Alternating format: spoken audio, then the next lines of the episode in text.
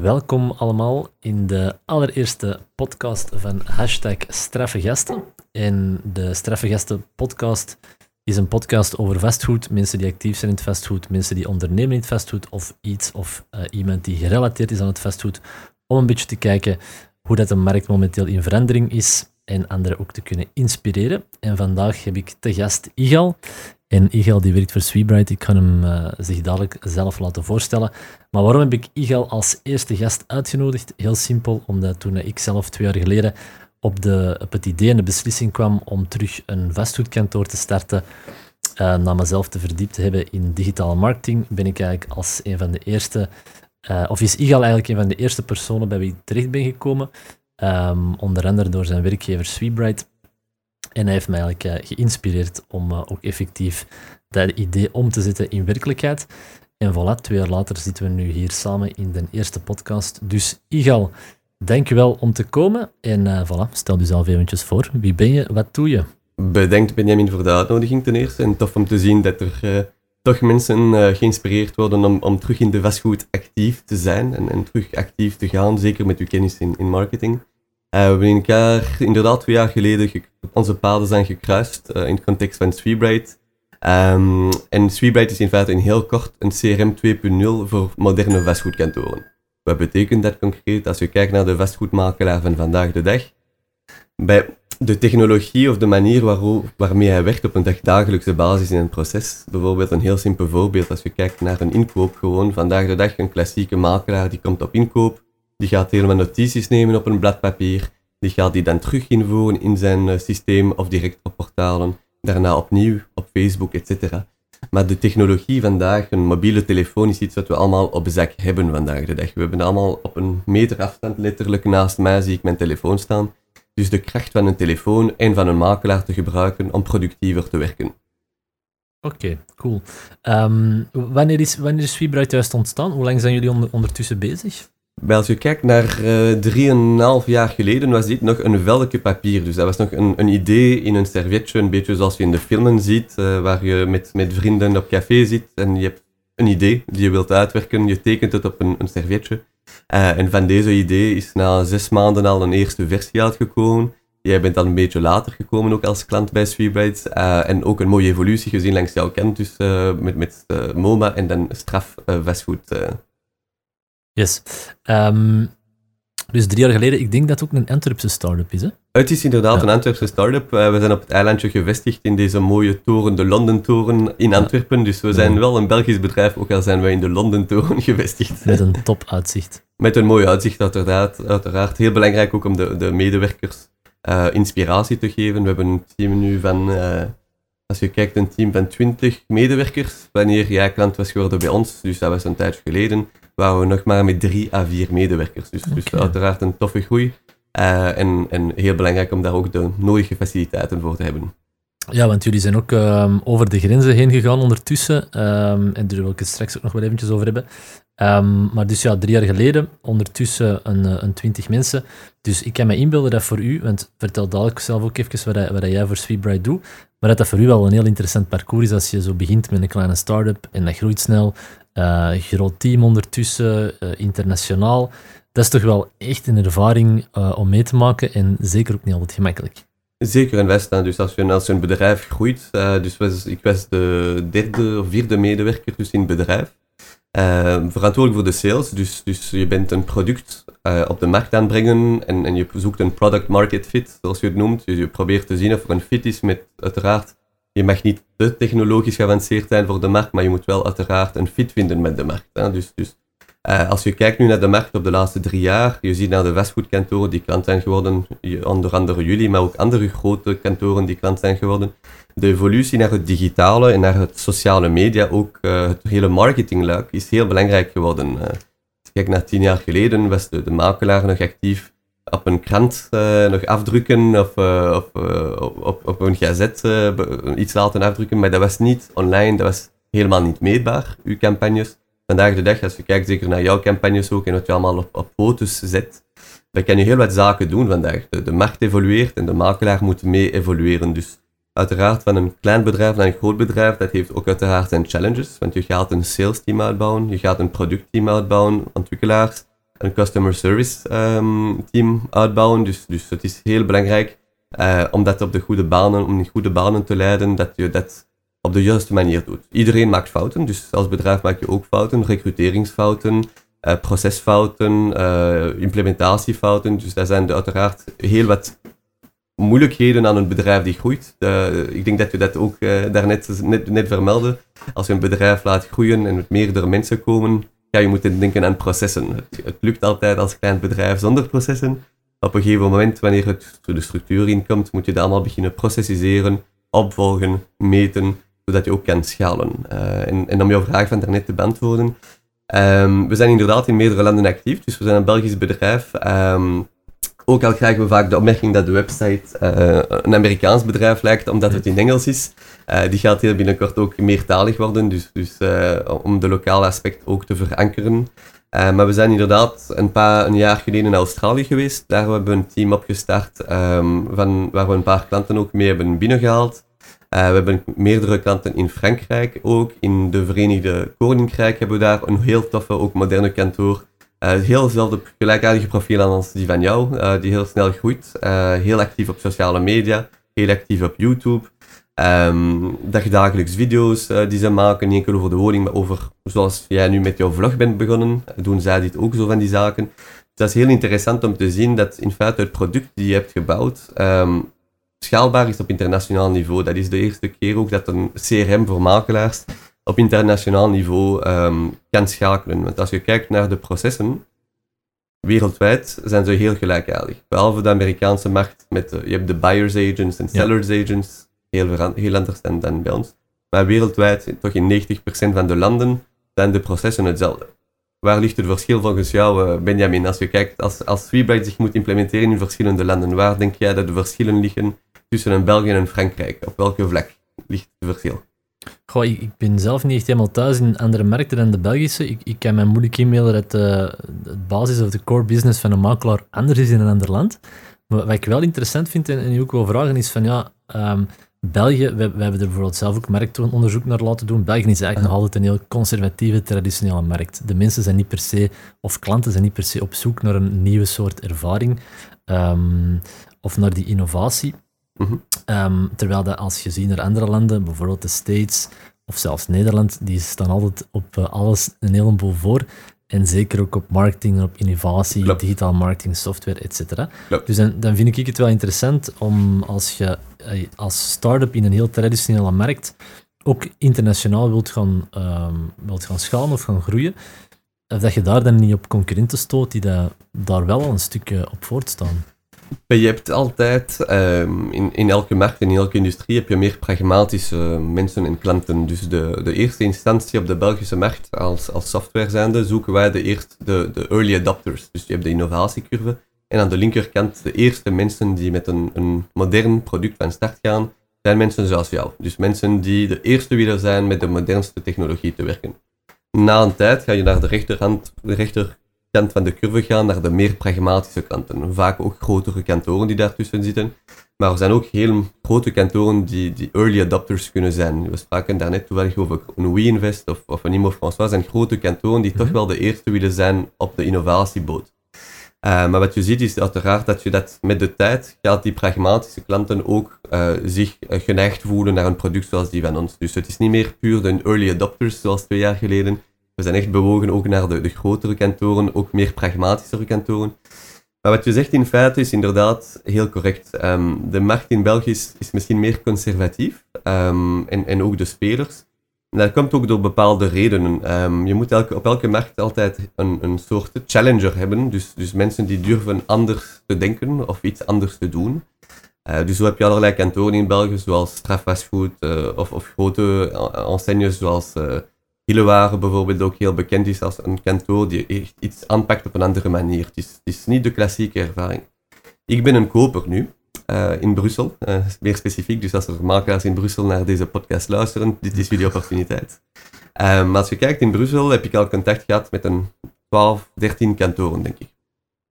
Ik als koper, bij mijn ervaring is zo homogeen, er is absoluut geen verschil tussen al die verschillende kantoren. Dat betekent, ik ga via ImoWeb ze krijgen mijn aanvraag. Soms krijg ik een telefoontje binnen de 24 uur of 48 uur. De, de, de, het record was ehm, vijf dagen erna. Een makelaar die mij opbelde en die zegt, Igal, ja, u had een aanvraag gedaan voor het appartement in Netterbeek. Ik zeg, ja, eh, welk appartement? Ik zeg, ja, ja, u had de aanvraag gedaan via ImoWeb. Ik zeg, ja, inderdaad, dat klopt, maar welk appartement? Want ik heb ook een 25 aanvragen gedaan ondertussen, aangezien ik geen antwoord direct kreeg van, van sommige makelaars. En hij zegt, ah, het is die appartement. Dus als klant denk ik van, ja, je belt me op, je weet zelfs niet over welk appartement het meer over gaat. Want we zijn millennials, ehm, jij bent ook een millennial, uh, Benjamin, de, de, de mensen die tussen 20 en 40 jaar oud zijn. We zijn heel goed geïnformeerd, maar we gaan ook heel weinig geduld hebben. Zoals je misschien ook merkt met, met de kopers, voornamelijk bij, jou.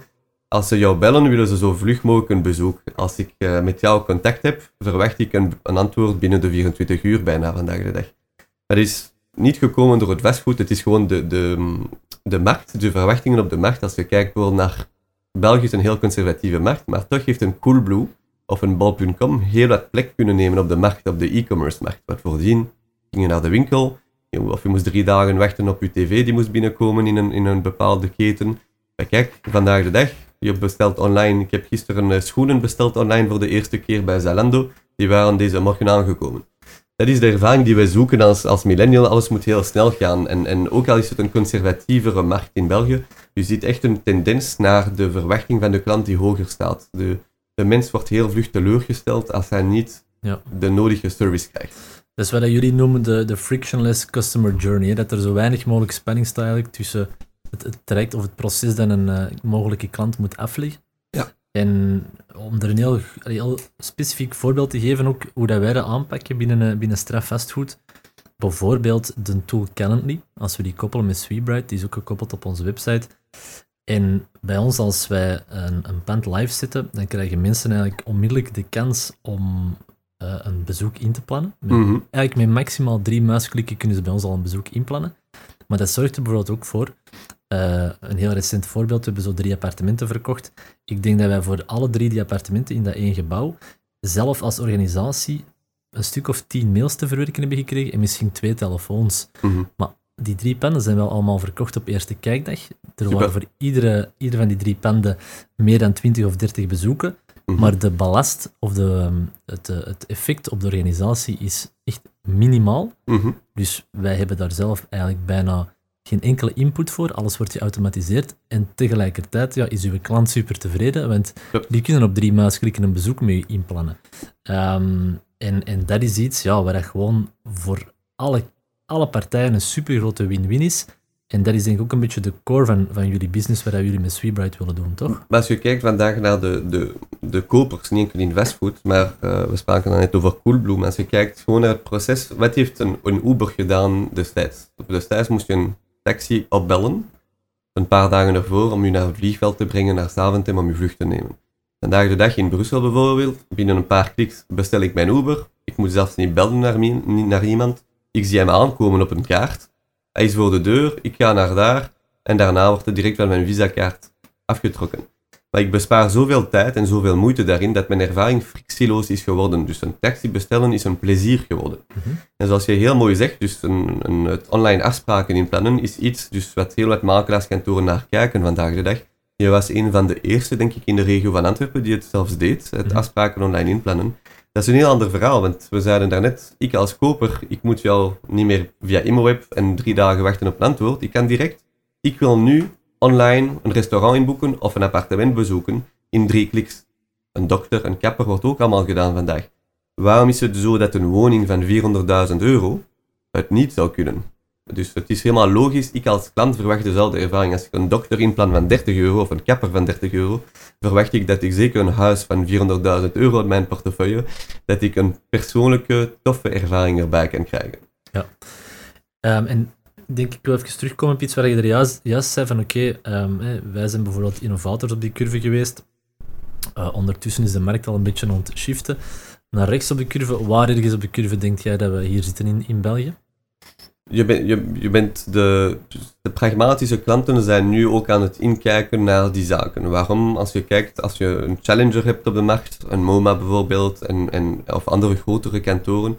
Grotere kantoren gaan altijd veel meer tijd nemen om te innoveren. Waarom? Omdat ze ja, ze hebben processen al in plaats. Dus, dus als je processen hebt, moet je bepaalde tools, je sprak daarnet van afspraken online inplannen, daar zijn ze niet aan gewend. Uh, ze zijn gewend dat alle bezoeken via een, een assistent of een, Een onthaal, onthaal wordt opgenomen, telefoon. Uh, maar ze beginnen ook in te zien, zeker nu met de coronacrisis, als je kijkt nu naar de coronacrisis um, voor het digitale of bedrijven digitaal zoals Freebright en andere bedrijven, is een heel grote opportuniteit geweest. Waarom? Omdat al die bedrijven, je hebt gezien, uh, als je gewoon, ik zeg een grap op LinkedIn onlangs, uh, which, company, of which position in your company changed the digitization of your company. Dus wie heeft je bedrijf gedigitaliseerd? Optie A was CEO, optie 2 was CTO en optie 3 was COVID-19. Ja. Wat uiteraard, uiteraard geen jobpositie is, maar de, de huidige coronacrisis. Maar iedereen wereldwijd is plotseling van mensen die geen Zoom kenden of een videocall ooit hadden gedaan, zelfs oudere personen, moesten leren hoe het moest. Want anders er drie maanden stil en maakten geen opbrengsten en kunnen niet verder werken. Dus, dus deze crisis heeft ook iets geaccelereerd, um, wat positief is voor, voor kantoren zoals jou. Want jij bent al een stap vooruit, right? Ja. Voor, voor kantoren die al die stap hebben genomen, het was geen shock. Maar andere kantoren die nog met papier werkten, je mocht niet meer op kantoor gaan. Dus je had zelfs geen toegang tot je papieren dossiers meer. En dat was uiteraard plotseling een, een grote shift voor heel wat bedrijven die pragmatischer waren. Dus ze hadden zelfs geen keuze meer, je moest mee met de tijd. Dus je ziet nu echt die drang van pragmatische kantoren en echt die push door de corona om te beginnen evolueren. Ja. Maar dat neemt tijd, uiteraard. Het is, het is inderdaad ook iets wat ik zelf heb gezien. Ik denk dat we voor de corona ehm, zaten we al wel in een veranderende markt. Maar voor heel veel kantoren ja, was die nood om te gaan innoveren of te digitaliseren eigenlijk nog niet zo groot. Want voorlopig, het marcheerde allemaal, het nog niet direct een grotere impact op de omzet. Ehm, je merkte natuurlijk hier en daar al wel dat sommige kantoren, of zeker de klassieke IMO-kantoren, toch al wel zichzelf een paar vragen begonnen te stellen van ja, moeten we dat ook niet implementeren? Moeten we daar eens niet wat meer onderzoek uh, rond doen? En dan is corona gekomen en dan zei ik zelf ook plots, uh, jij bent ook een aantal keer uitgenodigd voor een aantal verschillende webinars over de digitalisering en hoe dat je nu eh, COVID kan inzetten als een opportuniteit. Uh, en had ik zelf ook wel de indruk van, oh wauw, oké, hier is wel een shift bezig en alles wordt nu echt wel versneld. Maar ik vraag mij nu natuurlijk af, want in die periode, ja, iedereen um, um, handelt uit angst. Mm. En dat is natuurlijk wel een heel sterke emotie. Mm -hmm. um, de, de fastfoodmarkt ligt nu terug open. Er is een, een, een, een gigantische rush gaande momenteel. Daar kunnen we het misschien straks ook nog even over hebben. Zeker. Maar ik vraag mij af, ja, de, veel mensen zijn de COVID bij wijze van spreken ook al vergeten. Dus hoe uh, blijvend is die, die versnelling? Hoe blijvend is die digitalisering? Je gaat, je gaat verschillende, enfin, de, de, de, verschillende scenario's mogelijk hebben. De eerste is dat inderdaad bedrijven gaan blijven digitaliseren. Dus, dus dat uh, ze gaan zeggen van oei, we hebben één keer die shock gehad van drie maanden waar we niks konden doen bijna. En dus iedereen gaat beginnen kijken. Het feit dat je begint te kijken naar digitalisering betekent niet dat een bedrijf dat implementeert binnen de dag. Dus, dus dat neemt tijd. Het is altijd gemakkelijker voor een kleine structuur om te digitaliseren, omdat er minder processen zijn. Een grotere structuur of kantoor heeft heel wat processen in plaats en kan mogelijk geblokkeerd worden door die processen om te digitaliseren. Dus, dus als je kijkt, simpelweg uh, vandaag de dag, als je een simpele proces is vroeger wat telefonisch verliep, afspraken inplannen, gaan naar online afspraken inplannen. Dat is een andere manier van werken uiteindelijk. Mm-hmm. Productiever werken is een andere manier van werken. Dus, dus de belangrijkste factor is de mindset van de mens. Dus de, hoe ga je als manager of, of eigenaar van een bedrijf kijken naar je bedrijf? Ga je zeggen van, ik ben open voor verandering of ik ben geblokkeerd op mijn huidige manier van werken? Maar als je kijkt naar wereldwijd, zijn er heel wat kantoren, ook nu, ik hoor het ook van, van kantoor bij mij, sommige makelaars of kleine kantoren die nu zeggen, c'est fini, I'm quitting the business. Waarom? Het gaat te snel voor mij, het evolueert te snel, uh, ik ben al 50 of 60 jaar oud, ik zoek iets anders. Om een idee te geven, de gemiddelde leeftijd van een makelaar zit rond de 50, 50 jaar in België van een makelaar. Oh, dat wist ik zelf niet. Ja. Dus jij bent uh, heel wat jonger, maar niet, niet iedereen is zo jong. Dus er zijn heel wat fastfoodmakelaars die, die ook van een oudere generatie zijn, die misschien niet mee kunnen met die, die innovatie. Um, dus, dus je gaat het fenomeen hebben van uiteraard misschien sommige mensen of kleine kantoren die ofwel geabsorbeerd gaan worden ook in grotere structuren, waar innovatie gemakkelijker doorgeduwd kan worden, omdat ze die kennis al hebben. Maar als je kijkt naar grote kantoren, wat investeren ze nu naar verschillende zaken? Technologie, de building block technologie, dus welke tools, als het nu een Sweebright, Calendly, etc. is. De klantenervaring wordt essentieel, dus, dus wat jij zegt, die frictieloze ervaring. Ehm, en, en uiteindelijk hoe je processen kan automatiseren. Want vandaag de dag, um, ik zal jou misschien de vraag stellen, heb je een idee van hoeveel van de processen in een fastfoodkantoor geautomatiseerd zouden kunnen worden? In percentage? In percentage. Wat, wat denk jij percentagegewijs over een heel bedrijf? Dus alle functies, dus admin, sales, etc. Als je 100% hebt over, van je, alle processen, hoeveel ervan zouden kunnen automatiseren vandaag de dag? Goh, ik, ik denk dat, dat dat moet zeker 70% zijn, denk ik. Ja, dus de, in functie, je kan, je kan inderdaad altijd heel ver gaan, maar dus minimum 40%. Minimum, hè. Ja. Dus ik heb eh, echt, ik spreek van het minimum van een kantoor. Je kijkt naar dat ik dag, jij als makelaar, je kent het uh, de dagdagelijkse. Men verliest veel te veel tijd vandaag aan allerlei administratieve zaken, dubbele input. Ehm, als je dan een marketingmail wil, wilt uitsturen, uh, klassieke systemen kunnen niet koppelen met, met bijvoorbeeld tools zoals Mailchimp voor nieuwsbrieven, etc. Maar de makelaar zou dat niet moeten doen. De makelaar is in feite een, een salespersoon. Mhm. Hij zou moeten inkopen en verkopen. En dat is ook hoe een makelaar zijn, zijn brood verdient. Maar het is ook de manier waarop de makelaar het meeste plezier vaak heeft. Dat is de reden waarom hij voor de job kiest, is om het sociale naar boven te krijgen. Uiteindelijk is het een menselijke job. Uh, jij doet dat heel goed ook door je met jouw video's te tonen. Achter die makelaar is een persoon. Um, en, en een makelaar zou productiever, dus die taken moeten automatiseren, zodat hij meer met de klant tijd kan spenderen. Dus dat hij eerder met een verkoper of een koper tijd kan spenderen, ze leren kennen, hun problemen leren kennen, waarom scheiden ze en, en verkopen ze hun woning. Het moet een, het moet een persoonlijke business zijn. Uh, Mhm. en, en dat maakt het groot verschil, denk ik, de makelaar die die tijd kan nemen om jou te leren kennen. Ja, het is een beetje het idee ook eh, waarop dat jullie werken, hè, dat, dat je technologie eigenlijk gebruikt als een hefboom voor meer FaceTime in je klant. Ehm, Dat is, dat is een beetje een filosofie en ik denk als je daar, zelfs als, je- als je er maar een klein beetje beter in bent of een klein beetje meer in zit dan op je, op je eh, concurrentie of de klassieke e-mailkantoren, maakt je eigenlijk al een wereld van verschil. Want het is in deze business niet heel moeilijk eigenlijk om, eh, om anders te zijn. Uh, maar toch merk ik dat, dat veel klassieke e-mailkantoren er totaal nog niet in mee zijn.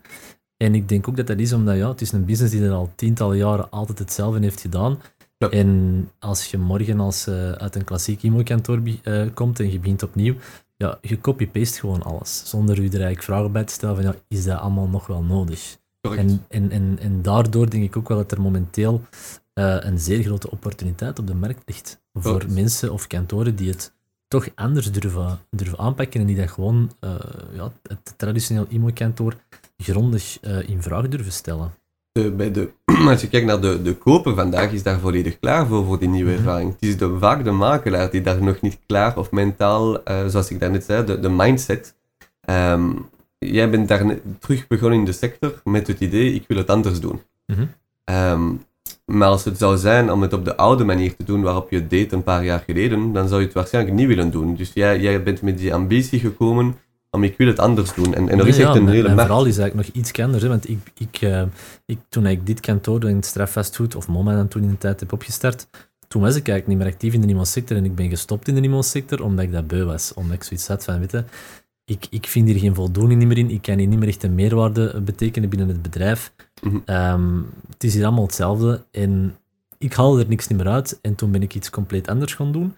Maar dan heb ik mij verdiept in de digitale marketing op een bepaald moment en toen zag ik van, ja, eigenlijk, um, dit gebeurt nog niet of dit wordt nog niet gebruikt in, in, uh, in de e-mailsector. En had mij vijf jaar geleden of zo gevraagd van, ja, of je zegt, je gaat binnen uh, x aantal jaren een eigen e-mailkantoor hebben. Ik had al mijn geld erop gezet dat je ongelijk zou krijgen.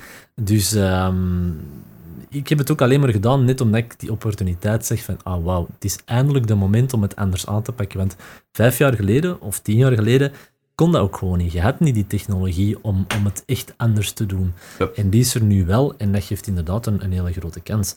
Nu, um, allee, ik denk dat we altijd wel kunnen concluderen uit, uit, uit wat we tot hiertoe hebben gezegd, ja, dat er een zeer grote opportuniteit is uh, binnen de markt. Zeker. Um, maar ik denk dat we alle twee uh, redelijk vooruitdenkend zijn op dat gebied. Maar wat is het, het, het, het obstakel dat jij bij de meeste uh, e-mailkantoren op stuit? Want ik kan me inbeelden dat je natuurlijk ook met heel veel uh, kantoren babbelt of makelaars babbelt die uiteindelijk geen klant worden. Klopt, um, zeker. hè. Dus, dus, dus daar daar ben ik wel benieuwd naar. De, de, grootste, de grootste angst uh, van niet enkel in maar in elke sector, is het feit van verandering. Verandering is moeilijk. Veranderen is niet gemakkelijk. Zelfs mensen die een kleine structuur zijn, die zijn gewend aan iets. Die, die, zoals jij gewend bent aan je koffie te nemen, s'morgens, als ik die koffie weghaal, ga je panikeren, veel mensen. Maar op dezelfde manier zijn de mensen zo ingenesteld in hun huidige dagdagelijks manier van werken, dat, dat verandering of het in vraag stellen van jouw processen niet gebeurt. Uh, en, en je moet weten, in, al in goede tijden, dus zeker nu, na de corona, zoals je daarnet zei, met de markt die, die heel fors aan het toenemen is, uh, met heel veel vraag, zowel naar inkoop en verkoop toe. When business is good, stel je jezelf vaak de vraag niet van moet het anders gaan. Maar het probleem is, je moet jezelf namelijk die vragen stellen wanneer de tijden goed zijn. Want als de tijden slecht worden, dan is het vaak al te laat mhm. om, om daarop in te spelen. Um, en daarom dat de kantoren die daar toch nu naar kijken, um, je ziet toch ook vandaag de dag, ook al loopt het goed, het is geen... Vandaag is innoveren voor hun niet echt nodig. Bij ze kunnen nog altijd met hun mooie wagen of met hun mooie, leven in een mooie uh, huis, maar dat betekent niet dat het morgen zo zal blijven. Dus, dus het is belangrijk om jou altijd in vraag te stellen. Um, zoals ik het doe in mijn processen dagdagelijks, vraag ik me is dat nu de beste manier om te doen. Als het nu een videocall is of een demo die ik doe, is dat nu de beste manier om een boodschap over te brengen. Maar op dezelfde manier twee jaar geleden was dat een heel andere manier waarop ik mijn uitleg maakte. Dus het is, het is niet omdat het één keer werkte, je moet altijd meten en improviseren, kijken wat het best werkt. En daarna concluderen en conclusies nemen. Bijvoorbeeld iets heel simpel, als je kijkt naar, je sprak daarnet van digitale marketing, um, die je hebt gestudeerd.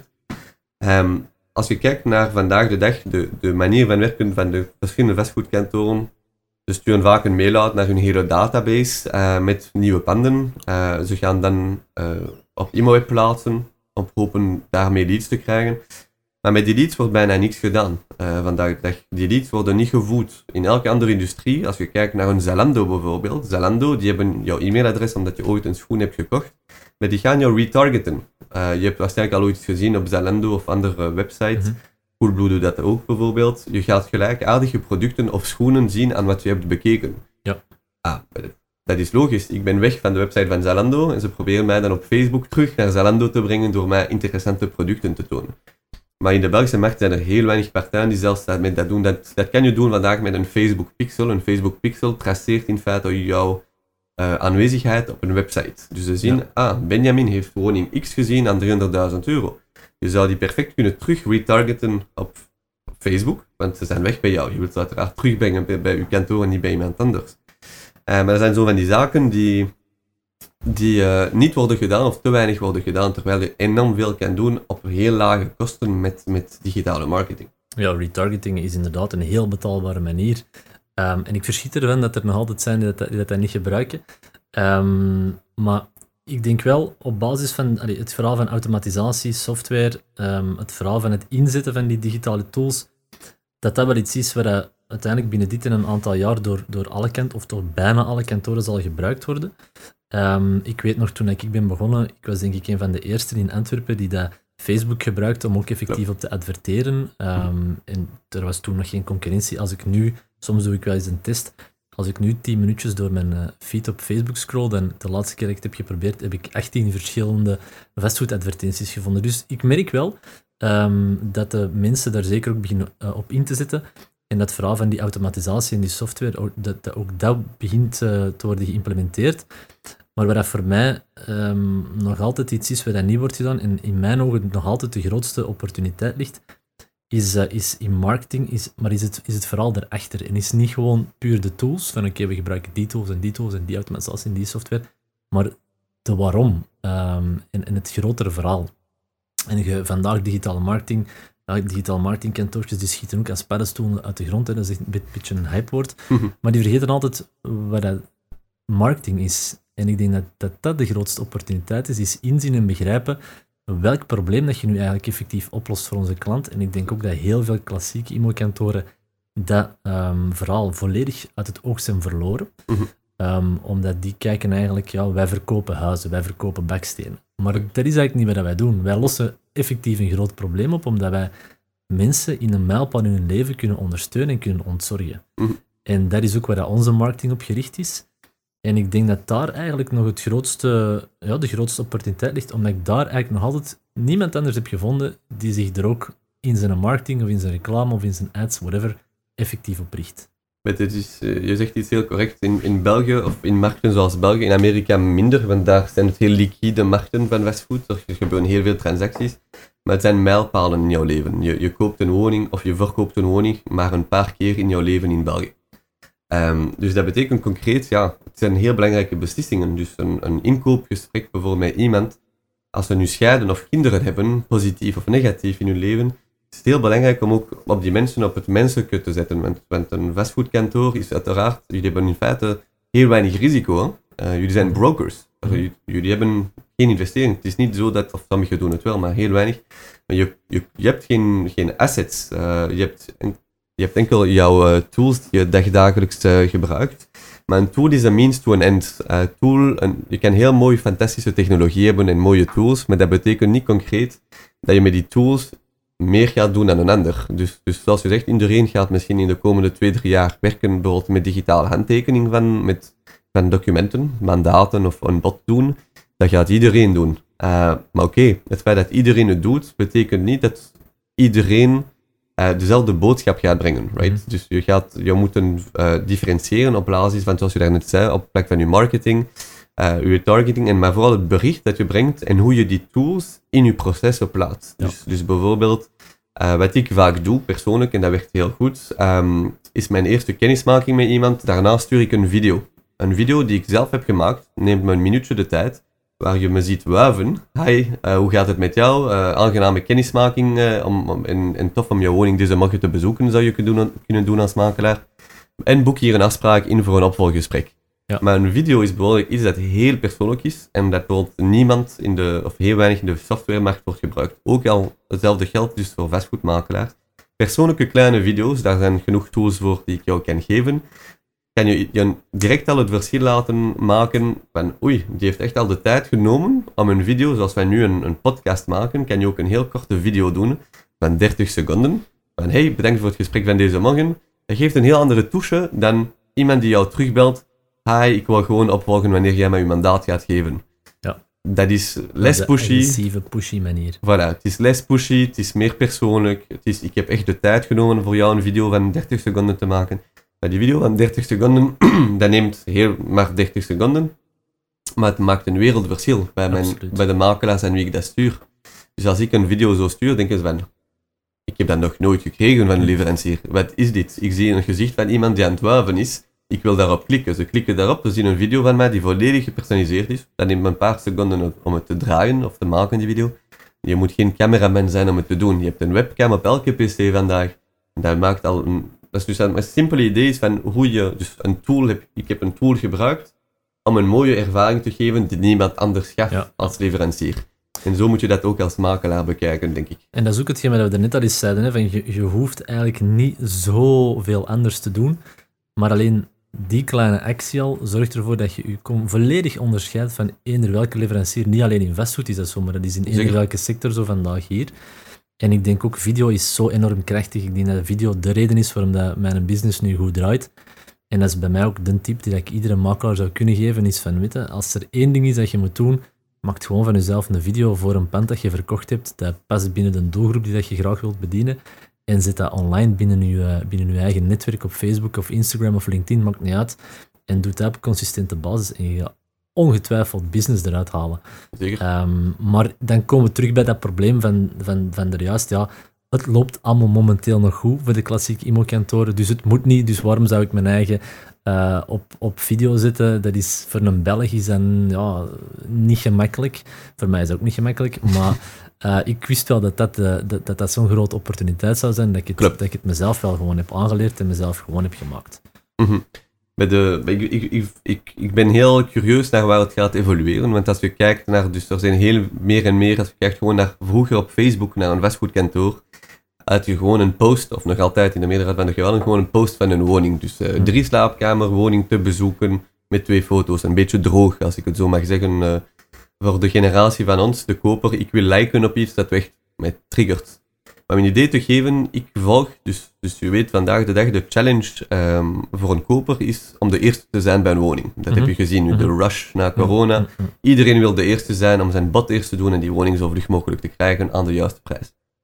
Dus wat doe ik al nu anderhalf jaar ehm, voor de vastgoedkantoren in Brussel? Ik volg zo'n paar kantoren in mijn regio op Facebook. Waarom? Want op Facebook zal ik de eerste zijn die, die, die vaak te zien krijgt. Dus vooraleer het op een IMO-web komt, of soms op een website, komt het al zeker op Facebook terecht. Dus ik wil de eerste zijn om die virtuele rondleiding te doen die ze aanbieden op Facebook, of die foto's te bekijken.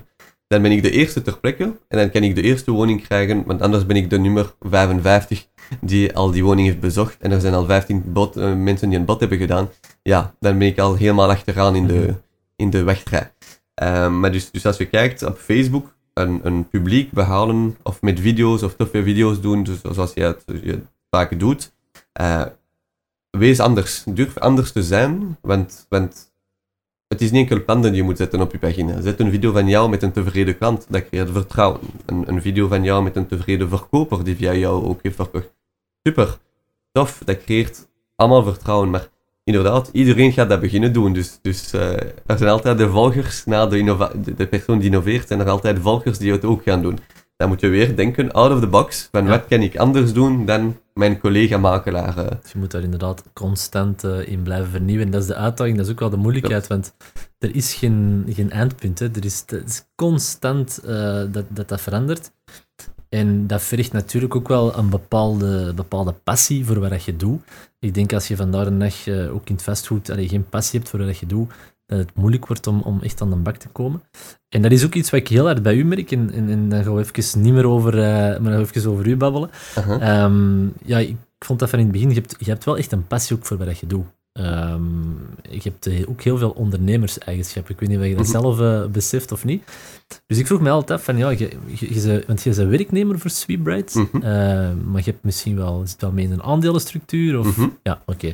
Ehm, hoe voelt dat voor u? Eh, voelde jij u, u, u een ondernemer of ehm, een werknemer? Hoe, hoe zie je dat zelf? Of is het iets ertussen? Ik zou zeggen iets ertussen. Dus de, na mijn, studies heb ik, eh, ben ik drie jaar een heel toffe management trainee programma gedaan in de haven. Dus een paar straten van hier, eh, van waar we onze podcast aan het doen zijn.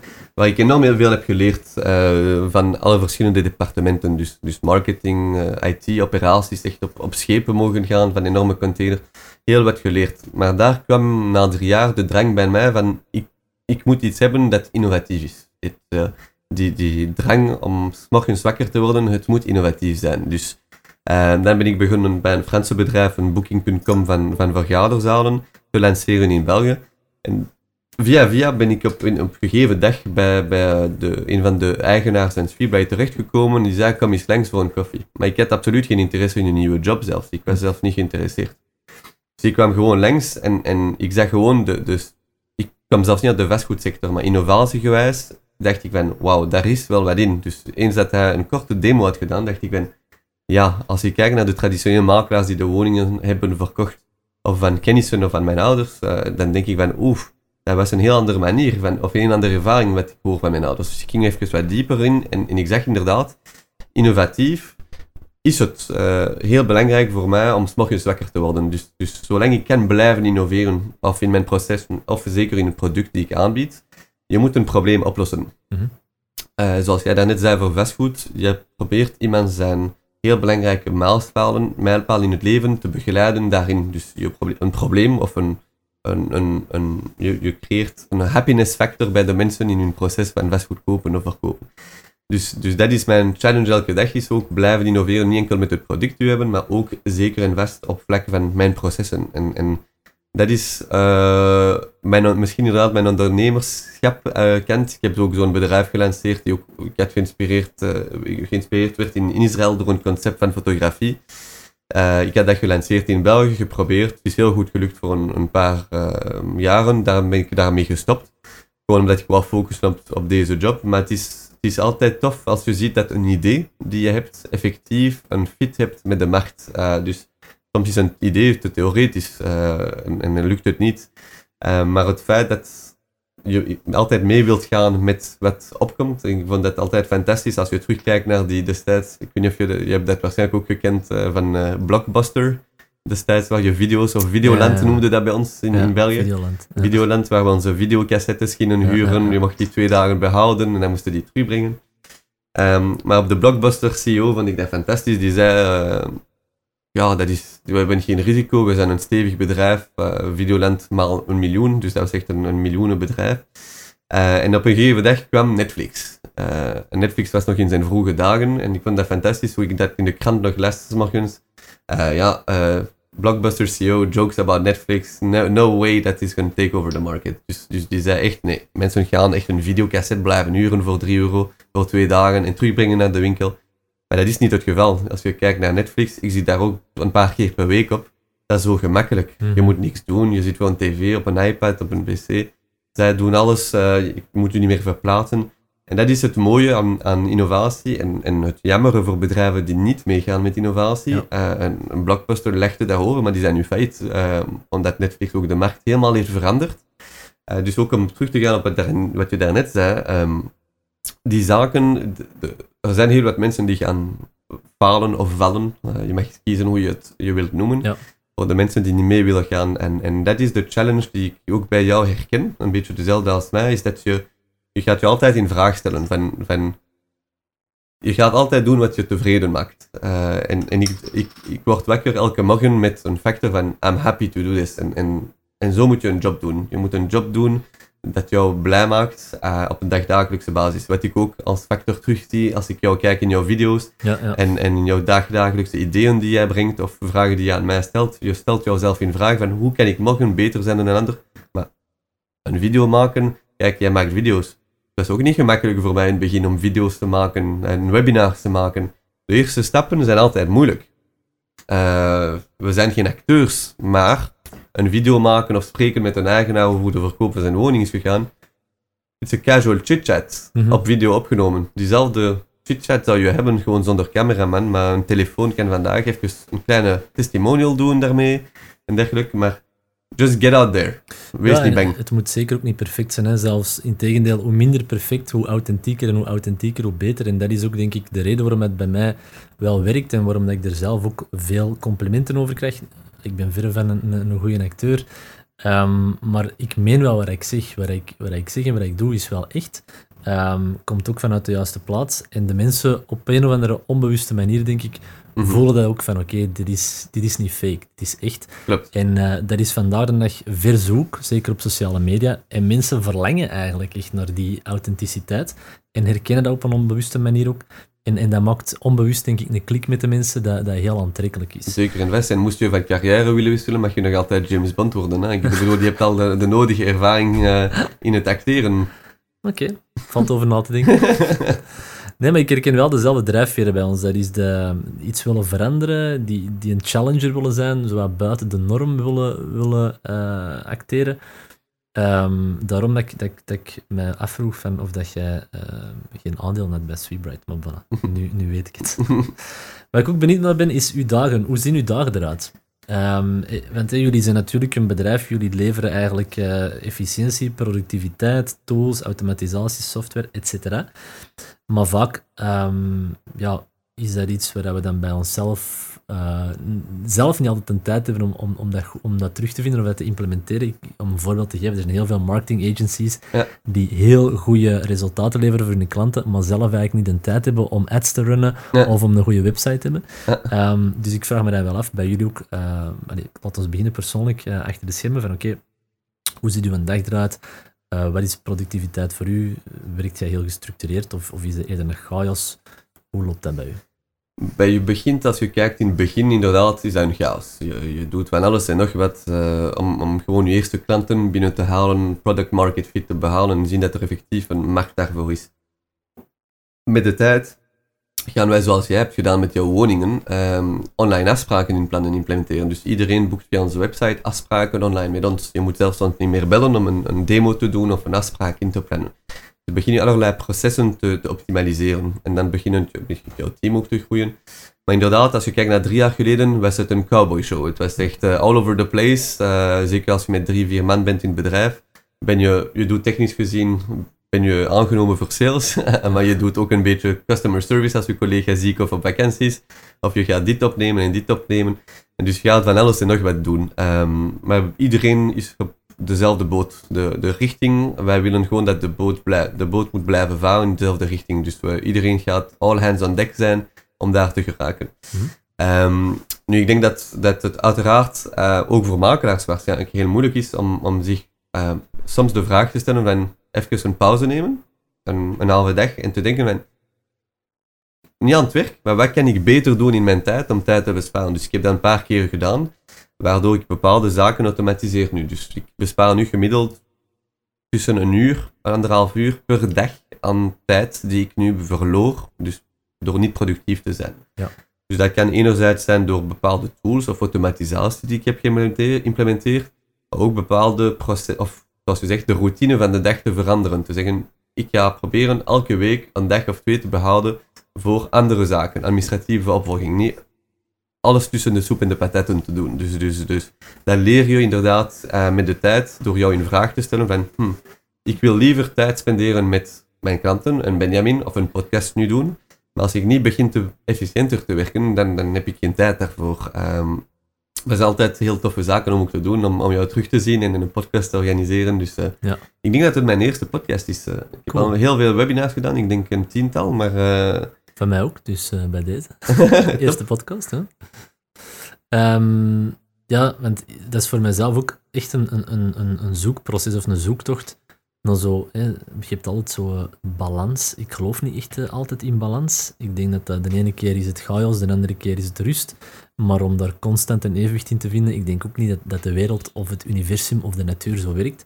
Dus het is constant een zoektocht. Mhm. En ik heb soms geprobeerd om echt mijn dag tot, bij wijze van spreken, tot op de 15 minuten uh, gedetailleerd in te delen om zo productief mogelijk te zijn. Maar dat werkte voor mij ook niet.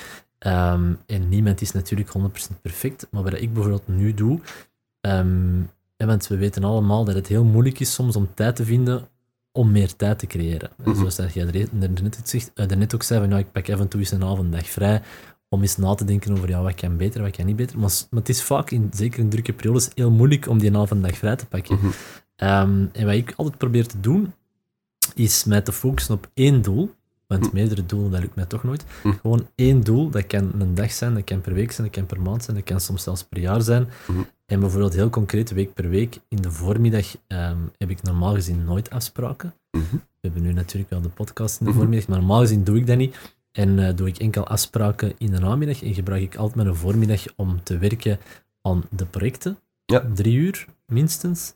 En dan één uur om mijn administratie bijvoorbeeld te doen. Mhm. Wat ik recent ook heb gedaan, is ehm, een tweede telefoon erbij, erbij genomen. Waarom? Om eigenlijk al mijn sociale media Mhm. op die tweede telefoon te zetten. Mhm. Want eens dat ik 's morgens begin met sociale media, Mhm.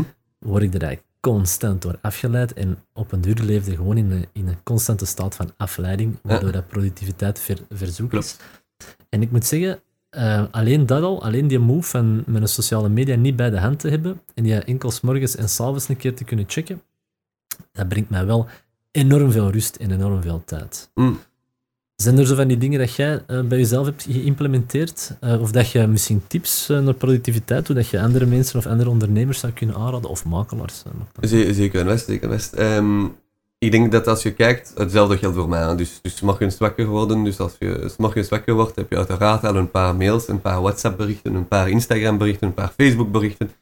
Dus je moet jou- jouw focus behouden. Dus, dus, ehm, en, en ook als, als eh, persoon op het weekend, of bij de makelaars die werken meer op het weekend, maar toch bepaalde dagen nemen waar je eh, niet direct moet antwoorden. Het is, het is oké om een uur of twee uur te antwoorden aan een persoon. Eerst, ehm, dus, dus antwoord ik altijd binnen de twee minuten op een mailtje. Maar ik heb geleerd, het is ook belangrijk voor jezelf om, om, om bepaalde limieten ehm, te stellen. Dus, dus zoals je daarnet zei voor jou, ik ga proberen me te limiteren, dus bepaalde perioden in de dag waar ik niet, we hebben ook een interne chat, waar ik niet actief ben in de chat. Dan kan ik mezelf focussen op andere zaken die voor mij belangrijk zijn om mijn targets te behalen, etc. Want ook mijn collega's, ze moeten niet binnen de twee minuten een antwoord hebben. Sommige zaken zijn niet zo dringend. En dat is iets dat je moet leren en heel moeilijk is. Zeker als je heel klantcentraal bent als persoon, dat je de mensen wilt helpen. eh, als ze hulp nodig hebben. Maar soms kan die hulp een kwartier, en dat is voor mij een heel moeilijke keuze geweest, te zeggen van, kijk, soms moet je niet direct antwoorden, eh, ook intern of naar klanten. Als het heel dringend is, uiteraard moet je daarop antwoorden als je ziet dat het iets uh, dringend is. Maar, maar die limieten kunnen zetten zijn ook voor je geest of voor je, voor uw tevredenheid op dagdagelijkse basis heel belangrijk. Om, Peace om, of mind. Peace of mind. Dat je ook na een bepaalde uur, vroeger als om een idee te geven, ging ik tot middernacht op mails beantwoorden. Hmm. Soms tot één uur s morgens. Herkenbaar. Voilà. En, en in feite, het is oké om die mails morgens te sturen om 9 uur. Hm, Het is geen probleem, niemand gaat daarvan sterven. Eh, en, en de kans dat daar ook niet boos van zijn dat je daarop antwoordt. Ehm, reactiviteit is heel belangrijk, ehm, maar je moet ook dus voor jezelf en om op een lange termijn nog innovatief te kunnen werken en gezond te blijven, die keuzes maken. Want eh, daar zeg je iets heel interessants. Hè, zeker ook als ondernemers en, en start-up. Ja, groei. Dat is eigenlijk zo een centraal thema als onderneming. Je moet groeien en je moet groot worden. En het moet altijd maar meer en meer en vooruit en vooruit. Maar ik denk ook vandaar en dat er ook een beetje een shift bezig is. eh, ook, van, ook zeker binnen ondernemers. Ja, je moet ook gezond en gelukkig blijven. Hè. Gezondheid is een, is een van de belangrijkste onderdelen van, van geluk, denk ik. Ehm, maar ik, ja, als ondernemer kun je je heel snel laten meeslepen in dat groeiverhaal. Hm. En je moet daar constant een balans in vinden. Dat vind ik eh, zelf ook wel een, een heel grote uitdaging. En ehm, ik merk ook de laatste tijd dat ik, dat ik daardoor ook heel veel dingen in vraag stel. Van ja, hoe groot willen we eigenlijk worden? Mhm. Ehm, en, en mijn antwoord erop is dat, ik- dat ik dat eigenlijk niet weet. Ik weet niet hoe groot dat wij willen, willen worden. We hebben ook geen vijfjarenplan, of, of, Mhm. of zelfs geen jaarplan. We hebben wel Mhm. een target natuurlijk. We weten wel waar we moeten draaien Mhm. om, om, om iets te kunnen verdienen. Maar we weten eigenlijk niet hoe groot dat we, willen worden. Waarom niet? Omdat wij vinden van oké, ja, nu zit er een ziel in ons bedrijf. Eh, we doen dat alle twee graag. Eh, De Philippe, mijn vernoot, wij, wij Mhm. vinden deze leuk. Wij worden 's morgens wakker en wij hebben er goesting in in onze dag. Klopt. En, en dat vooral wil ik behouden. En natuurlijk, dat zal niet altijd zo zijn. Er zullen ook periodes zijn dat dingen moeilijk gaan of dat dingen niet leuk zijn. Dat hoort erbij. Mhm. Maar over het algemeen wil ik het wel leuk houden. Klopt. Het is het belangrijkste, denk ik, als je tevreden bent, gaan de mensen dat zien. Als het in je video zijn of in je afspraken, maar ook voor jouzelf. Je gaat soms door meer te werken of langere uren, gaat jou niet noodzakelijk meer resultaat behalen. Soms kortere dagen, efficiënter werken, gaat jou dezelfde resultaat behalen.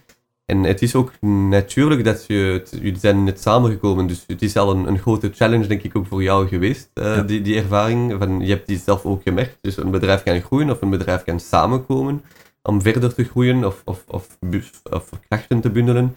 Eh, maar het is een proces, het, het komt met de tijd en het is oké voor jou ook om geen vijf jaar een plan te hebben. Want het begint zich te structureren, dus met de tijd ga je ook jullie am- ambities bij elkaar krijgen en zeggen van kijk, tegen die, die jaar willen we, sommige mensen hun ambities in vastgoed zijn meerdere kantoren.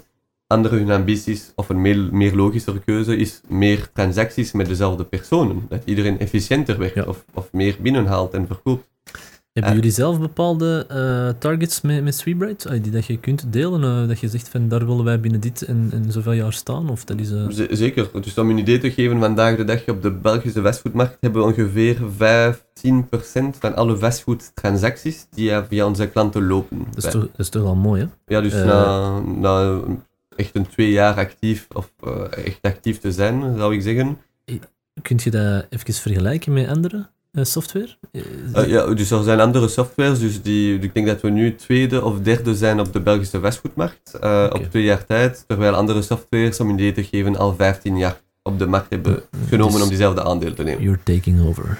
Bij, je moet jouw herhoud vinden als bedrijf. En sommige van die andere, zoals je zegt, ook makelaars, maar ook softwares moeten meegaan met de tijd. En Ja. sommige zijn, hebben nog geen app of hebben geen ding. Dus, dus de makelaars hebben allemaal een iPhone of een, een Android, Mhm. dus ze willen toch verder gaan op, op die tendens. Dus als je kijkt naar de, de markt, hebben we nu ongeveer 15% van alle transacties die je via Sweetbyte makelaars lopen. Kantoren zoals jouzelf, grotere kantoren, medium kantoren, verspreid overal in België. Zijn Mhm. ook kansen, Vlaanderen, Brussel en Wallonië. Nu, eh, onze ambitie is ook om uiteraard, zoals we al in andere landen aanwezig zijn, eh, is om nu een antenne te openen binnen tegen eind van het jaar in Frankrijk. Dus een kantoor te openen daar. Ehm, we hebben al ook een twintigtal kantoren van verschillende grootte die actief zijn in Frankrijk. Ehm, en, en dus we gaan lokaal proberen te focussen, dus, dus België en Frankrijk als focus. België blijft de voornamelijkste focus, Frankrijk als secundaire markt. En alles wat er buiten komt, ja, als het interessant is, dan gaan we ermee voort. Maar ehm, je merkt dat er in Frankrijk ook een heel grote interesse is door de, het feit dat er meer competitie is. In Frankrijk ten eerste, de commissie zitten aan 5% ongeveer. Dus dat is wel redelijk hoog. En als je kijkt naar steden zoals Parijs, een appartement uh, van 60 vierkante meter kan u daar bijna een miljoen euro kosten. Hmm. Dus, dus je kan daar uiteraard, um, veel mensen hebben het idee dat het easy money is en geraken daarom daarin. De, de obstakels om makelaars te zijn zijn ook heel klein. Het is heel gemakkelijk om makelaar te worden.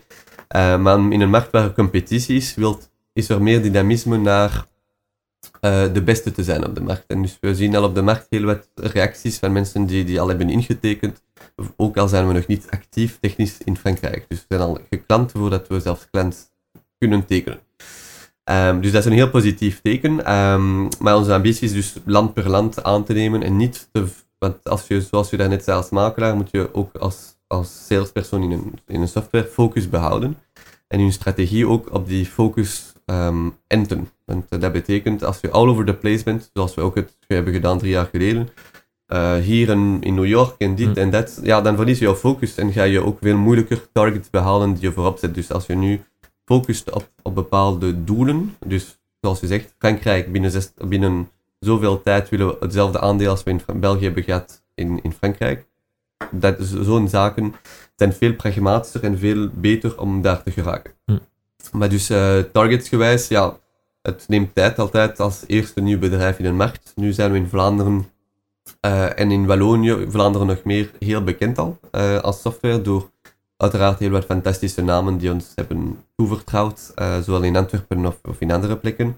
Dus de, op de markt zijn we heel bekend, Brussel ook en Wallonië een beetje minder. Dat komt ook door het feit dat we minder proactief daar waren.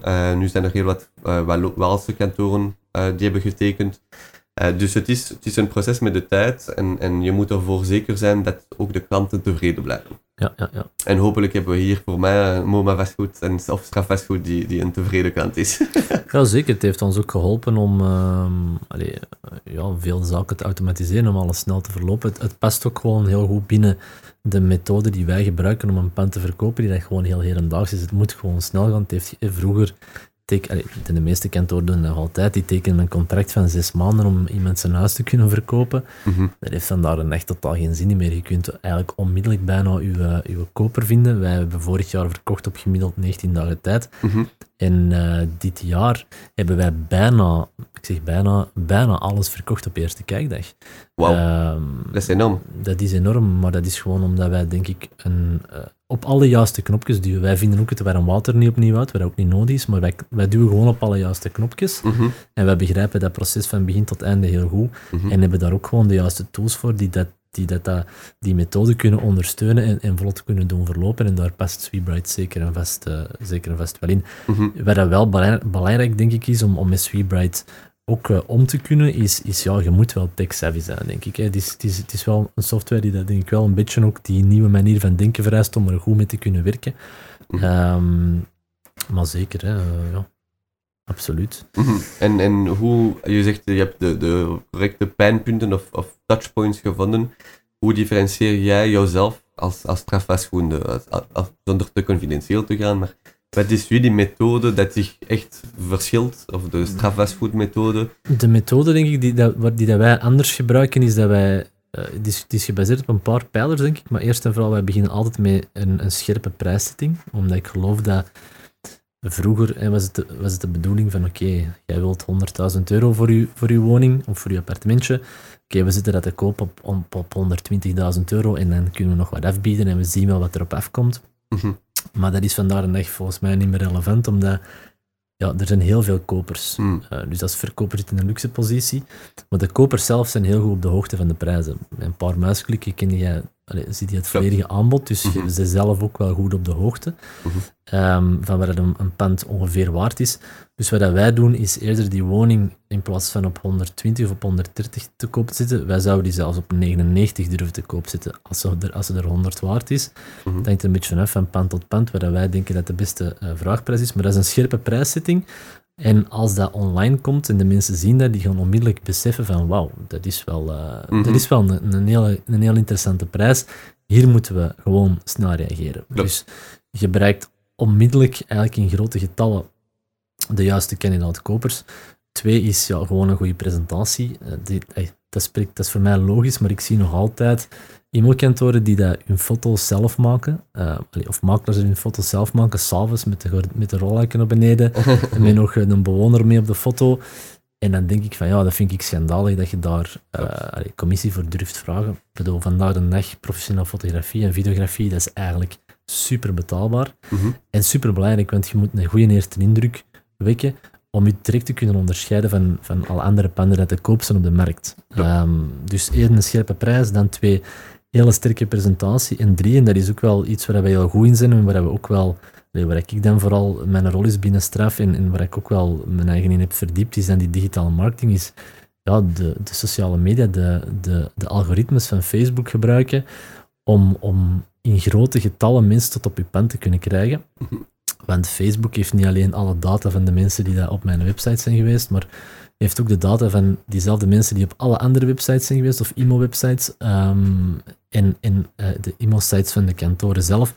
Dus eigenlijk, basically, Facebook weet perfect eh, welk pand aan welke kandidaat-koper moet getoond worden. Mhm. En daar zitten wij heel hard op in. Wij combineren dat natuurlijk met reclame op de standaard eh, e-mailplatformen. Ja. Maar door onze sociale media ja, wordt ons pand op korte tijd aan zo waanzinnig veel mensen getoond. Mhm. Dat is, dat is vaak enkele tienduizenden mensen, waardoor dat Ah, ja. wij daarna, allee, tenslotte in een, in een volgende fase, al die mensen verzamelen om de kijkdag. hè. Dus kijkdag is ook iets wat we altijd van in het begin al hebben gedaan. Mhm. Eh, dat begint, begint nu wel meer en meer ook allee, Mhm. standaard te worden. Maar ja, je verzamelt al die mensen op je kijkdag. Dus je hebt vaak 30 tot 40 bezoekers op een eerste kijkdag. Mhm. En het effect dat je daar hebt, is dat mensen voelen dat. Mensen merken dat er veel interesse is. En als Klopt. daar iemand of twee of drie mensen tussen zitten, tussen die 30, 40 mensen die uiteindelijk ook effectief interesse hebben om dat pand te kopen, Mhm. dan gaan die snel beslissen en gaan die ook een hoge prijs durven te bieden. Ja, klopt. Ehm, op onze kijkdag hebben we ook een beetje een eigen manier van werken. Wij gaan nooit iemand ter plaatse laten kopen. Wij gaan nooit iemand dwingen. Wij brengen de Mhm. mensen duidelijk op voorhand op de hoogte van hoe dat, dat werkt. Maar bij ons krijgen ze ook altijd wel de tijd om dat Mhm. pand rustig te verkennen. En krijgen ze ook het weekend de tijd om na te denken over welk bod dat ze zouden doen. En Mhm. uiteindelijk verzamelen wij de biedingen en gaan wij met het hoogste bod naar, naar een eigenaar. En dat zorgt ervoor dat de mensen op een aangename manier een pand kunnen komen eh, verkennen. Mhm. Er is ook heel weinig frictie tussen de eerste keer dat ze een advertentie zien en het inplannen van een afspraak. Dat gaat allemaal heel snel. Dus ja, als wij niet kunnen verkopen binnen de maand, dan, dan klopt er iets niet. Dan hebben we het oftewel te duur in de markt gezet, of is het een heel speciaal pand. Mhm. Mhm. Ehm, ik denk dat dat een beetje de, de, de, de achterliggende reden is waarom onze verkopen gewoon meestal heel snel marcheren. Ja, klopt. Onze methode is ook denk ik niet toepasbaar in, in elk eh, eh, deel van het land. Hè, want Mm. die werkt vooral heel goed in, in centrumsteden of in, in stedelijk gebied, denk ik. Mhm. Ehm, doet dat op de, op de buiten, gaat dat vol- volgens mij wel iets minder goed werken. Mhm. Maar oké, ja, dat is een kwestie van daar aan te passen waar je wel kunt doen dat wel werkt. Zeker. Ehm, maar dat is een beetje, denk ik, de, de, de, de methode die wij gebruiken. En jullie, misschien vraag naar jou toe, want de klassieke makelaar, die hebben verschillende kantoren. Wat is jouw visie, of, of want jullie hebben nu een kantoor eh, eh, van Strafvastgoed. Wat is jouw visie van de makelaar van morgen? Eh, heeft hij nog een fysieke kantoor nodig? Nee, wij hebben eigenlijk toevallig een kantoor op, op Linkeroever nu, omdat dat, ehm, ja, dat kantoor is van Strafvastgoed. Aha, En daar hangt eh, eigenlijk aan de buiten een mooi logo op een heel mooie, lo- mooie locatie. Dus het is meer een toevalligheid, maar het is geen bewuste keuze om offline eigenlijk een kantoor te hebben, omdat ik er ook niet meer in geloof. Ik denk dat de makelaar van morgen heeft geen etalagekantoor niet meer. Hm. Ehm, wij hebben ook geen fysiek onthaal niet meer nodig. Mhm. En eh, een goed kantoor op een goede ligging, dat kost heel veel geld. Mhm. Eh, je, moet daar, je moet dat bemeubelen, je moet dat inrichten, je moet daar elektriciteit hebben, je moet daar eh, allee, verwarming hebben, Klopt. je moet daar een keuken hebben, je moet daar iemand zitten die het, het fysiek onthaal doet. Maar dat zijn Ja. allemaal dingen dat je vandaag dat je eigenlijk totaal niet meer nodig hebt, want je koper zoekt online. Klopt. En het bedrag dat wij daarmee besparen, kunnen wij steken in betere dienstverlening en een lagere vergoeding. Correct. Dus ik denk dat, het, eh, ik denk dat een strategie van veel kantoren is nog steeds om fysieke kantoren te Mhm. openen op nieuwe locaties. Ja. Maar ik geloof daar eigenlijk totaal niet, Uiteindelijk zijn er echt veel, zijn er veel mensen volgens jou die, die via een vitrine lopen en daardoor kopen of verkomen doordat ze een vitrine van hun kantoren zien. Ik denk dat dat procentueel nog geen 1% is, uh, nog niet. Want ik, ik, loop voor vitrinefiches, maar bon, het, het is, kijk er af en toe naar. Maar het is echt heel raar dat ik zelf een pand ga bezoeken op basis van een vitrine. Ik ga vaak eerst online zoeken ja. en dan ga ik in functie daarvan contact opnemen met de... Voilà. Nu ja, ik denk een, een, een etalage is, is voor een, uh, een klassiek e-mailkantoor een inkooptool. Is een, is een tool om zich ergens Mhm. um, aanwezig te doen maken in een bepaalde uh, regio. Um, dient niet om zijn, zijn uiteindelijke koper te bedienen, maar dient eigenlijk om, om nieuwe klanten te kunnen werven. Klopt. Uh, maar daar, ja, dat, dat counteren wij door gewoon online super aanwezig te zijn, door Ja. online al een relatie op te bouwen met een potentiële klant. Ja. En natuurlijk, het is wel belangrijk dat je dat kunt koppelen met een offline aanwezigheid ook, Klopt. maar dat is iets waar wij natuurlijk als beginnend kantoor ook moeten opbouwen, Klopt. door, door veel borden in het straatbeeld te hebben hangen. Klopt, klopt. Want als je, als je kijkt vandaag de dag naar de, de makelaars, je zegt het is een lokale verankering of voor inkoop interessant. De, hoe zorg jij daarvoor om de, want uiteindelijk een makelaar is voor mij inderdaad een lokale speler. De, de, je kent de markt hier van Antwerpen of, of regionaal, ehm, maar je, je kent de markt van Wallonië of Brussel minder. Eh, maar hoe zorg je voor die ambassadeur, want je bent in feite een lokale ambassadeur, right? Mhm. Van jouw stad, van jouw regio. Je, je bent een lokale persoon die de markt kent, maar ook de buurt kent, de restaurants, etc. Die, die alle juridische vragen ook kan beantwoorden met betrekking tot een, als ik een huis moet kopen of verkopen. Hoe zorg je dat de mensen jou zien als een ambassadeur? Eh, een persoon die ze kunnen vertrouwen of mogen vertrouwen. Ik doe dat natuurlijk door, door zelf heel online aanwezig te zijn, niet met mijn panden, maar met mij als gezicht van het, van het merk ook.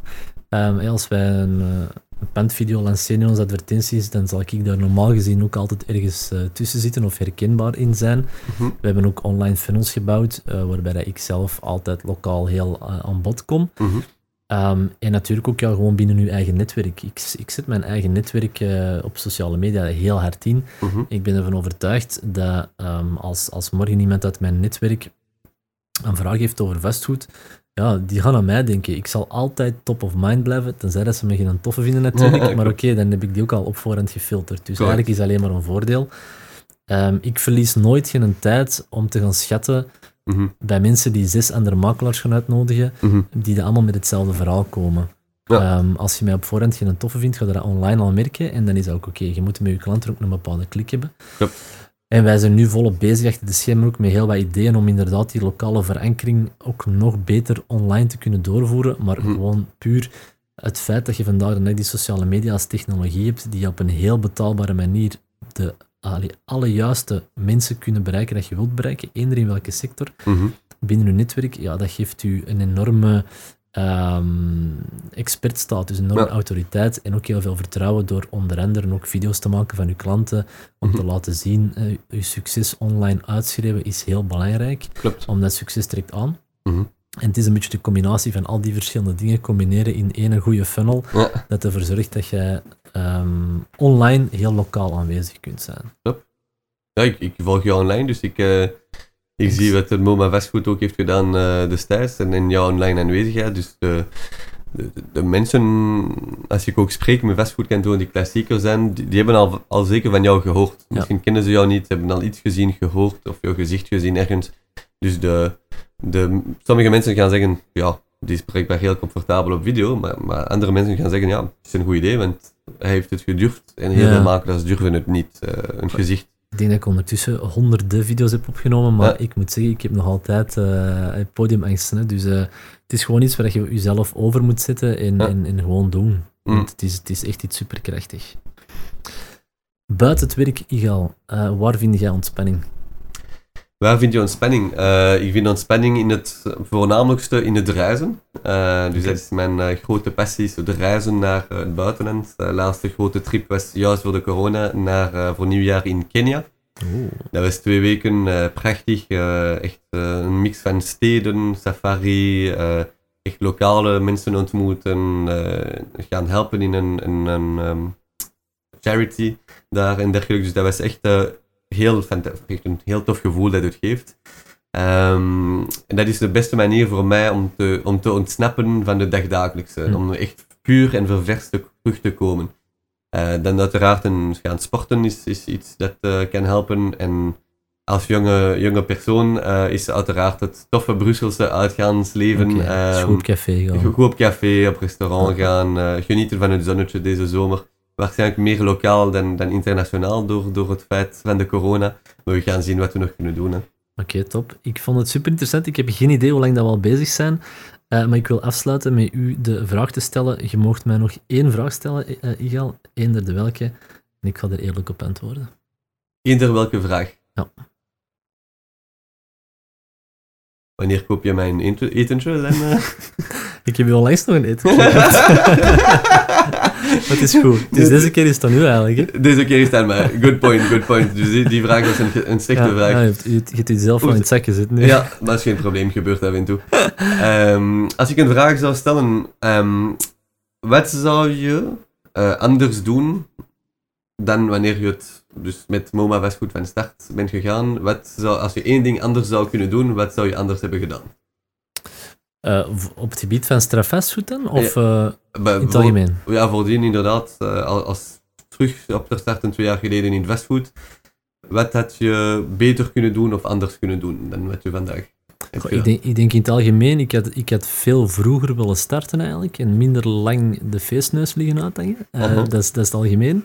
Ehm, maar als ik iets anders had kunnen doen. Goh, ja, weet je, ik heb, ik heb veel fouten gemaakt en ik denk dat dat er ook gewoon bij hoort. En daarna denkt je van, oh ja, oké, had, ik dat- had ik dat geweten. Ehm, maar ik denk dat ik minder, ehm, ja, minder had geïnvesteerd in advertenties, denk ik. Ja. Ik, denk, ik heb heel veel geïnvesteerd in advertenties. Mhm. Ehm, terwijl dat eigenlijk hetgeen dat het meeste business heeft opgeleverd, gewoon mijn eigen netwerk was. Mhm. Dus ik, ik denk dat dat ehm, ja, de grootste fout is geweest, omdat je daar ook heel veel tijd bent door verloren. Zeker best. Ehm, want advertenties werken, maar zijn heel moeilijk in te zetten eh, als een makelaar een startend bedrijf. Mm. Dus het is een beetje een ondersteuning, of het kan zeker eh, een succesverhaal schaalbaar maken. Ja. Maar om van niks te beginnen, ik, ik heb direct geïnvesteerd in, in Google Ads en heel veel Facebook Ads en grote budgetten ook wel. Mhm. Ehm, maar eigenlijk was dat nog niet nodig. Eigenlijk was het te vroeg. Ja. Want in het begin is het gewoon puur een hustle. Je moet gewoon keihard gaan binnen je eigen netwerk. Ja. En, en funnels bouwen, eigenlijk heeft dat pas, denk ik, echt zin op het moment dat je al die market fit hebt. Mm. Die hebben we nu wel. Mm. Ehm, maar we zijn er iets te vroeg mee begonnen. Ik denk dat dat, dat, dat, dat heeft het meeste geld gekost. Ik zou zeggen, eh proficiat. En als ik mag concluderen, eh, straf gedaan van jou, het parcours van de laatste twee jaren. Dus, eh, Dankjewel. en bedankt voor de uitnodiging, zou ik zeggen, in deze podcast. Het was heel gezellig om dat met jou te doen. Heel graag gedaan, Nigel. Dankjewel. En eh, we, gaan dat, we gaan dat blijven doen, hè, deze. Top, hè? Top, man. Merci. Super. Salut,